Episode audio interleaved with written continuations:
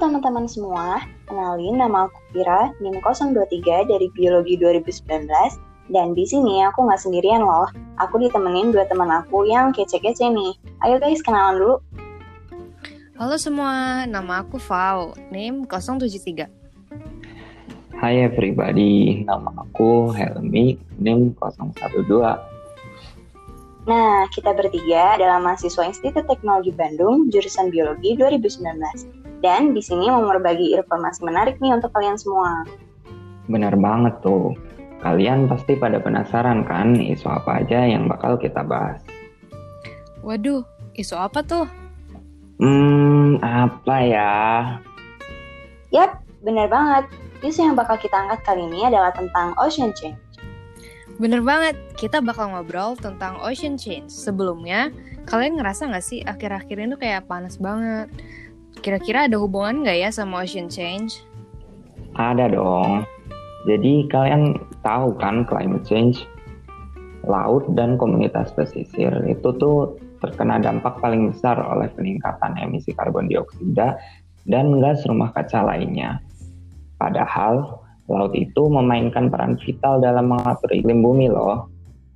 Nah, menurut laporan yang diterbitkan oleh IPCC pada tahun 2013, itu 93 persen energi 93 persen energi ekstra dari efek rumah kaca yang meningkat. Akibatnya, hal ini menyebabkan peningkatan stratifikasi laut, perubahan pergerakan arus laut, dan perluasan zona kurang oksigen. Nah, pada saat yang sama, pola cuaca juga berubah. Nah, ini menyebabkan frekuensi kejadian-kejadian ekstrim seperti badai itu semakin sering terjadi. Pemanasan, hmm, pemanasan atmosfer juga menyebabkan mencairnya gletser-gletser di gunung dan es di kutub, menyebabkan naiknya permukaan air laut dengan dampak yang signifikan pada garis pantai. Seperti, nah yang ini tuh kayak erosi pantai, intrusi air asin, dan kerusakan habitat. Emisi CO2 juga membuat lautan itu lebih asam. Nah, laut yang asam ini membuat banyak spesies dan ekosistem laut semakin rentan. Pengasaman laut juga mengurangi kemampuan organisme-organisme laut seperti karang, plankton, dan kerang buat mereka membangun cangkang dan struktur tulang mereka.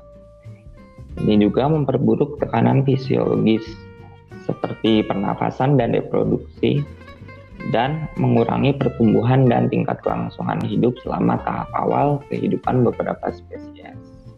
Gitu. Anjay Helmi. Nah, kira-kira penting gak sih guys bagi kita tuh untuk tahu tentang isu ini? Penting banget dong teman-teman.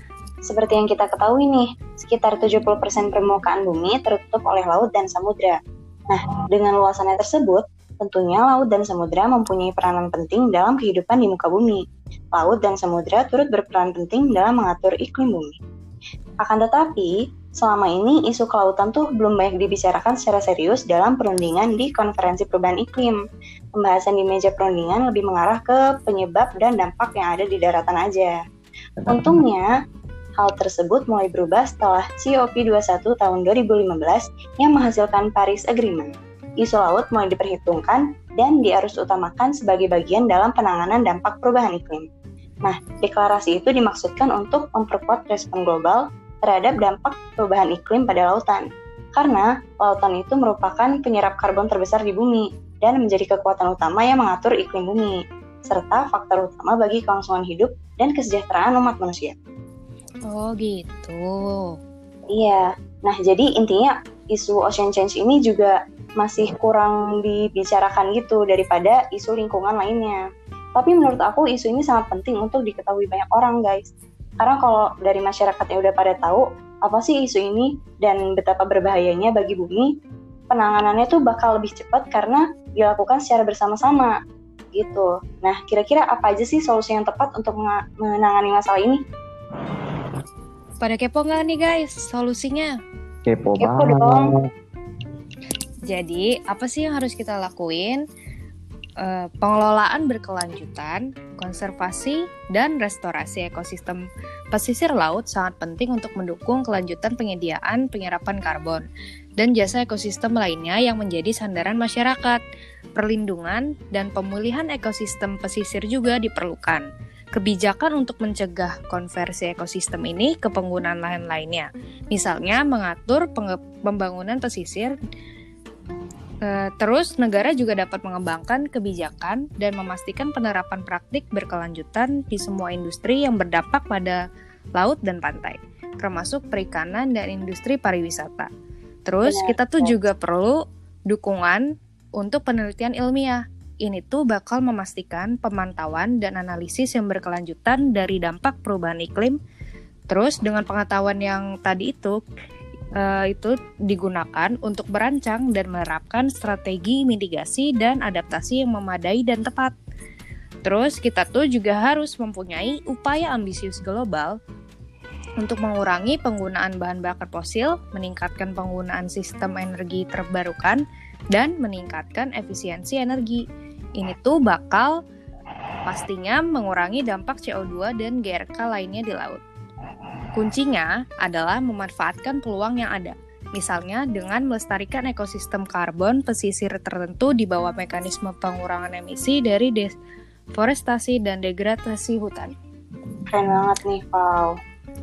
Nah, kan solusi yang aku sebutin tadi tuh kayak lebih menuju ke peran pemerintah ya. Sekarang aku pengen tahu nih pendapat kalian tentang peran apa sih yang bisa kita lakukan sebagai mahasiswa biologi untuk mencegah ocean change ini. Sekarang, siapa dulu nih yang mau ngasih pendapat sebelum podcast ini berakhir?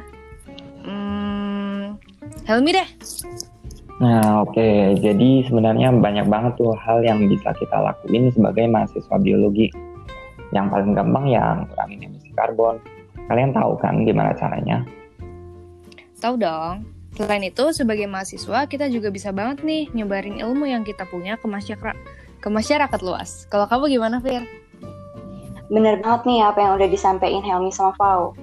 Karena posisi kita sebagai mahasiswa yang juga bagian dari masyarakat, dan khususnya kita nih sebagai mahasiswa biologi, kita bisa melakukan berbagai penelitian dan pengamatan sebanyak-banyaknya agar masalah di lingkungan kita bisa cepat teratasi.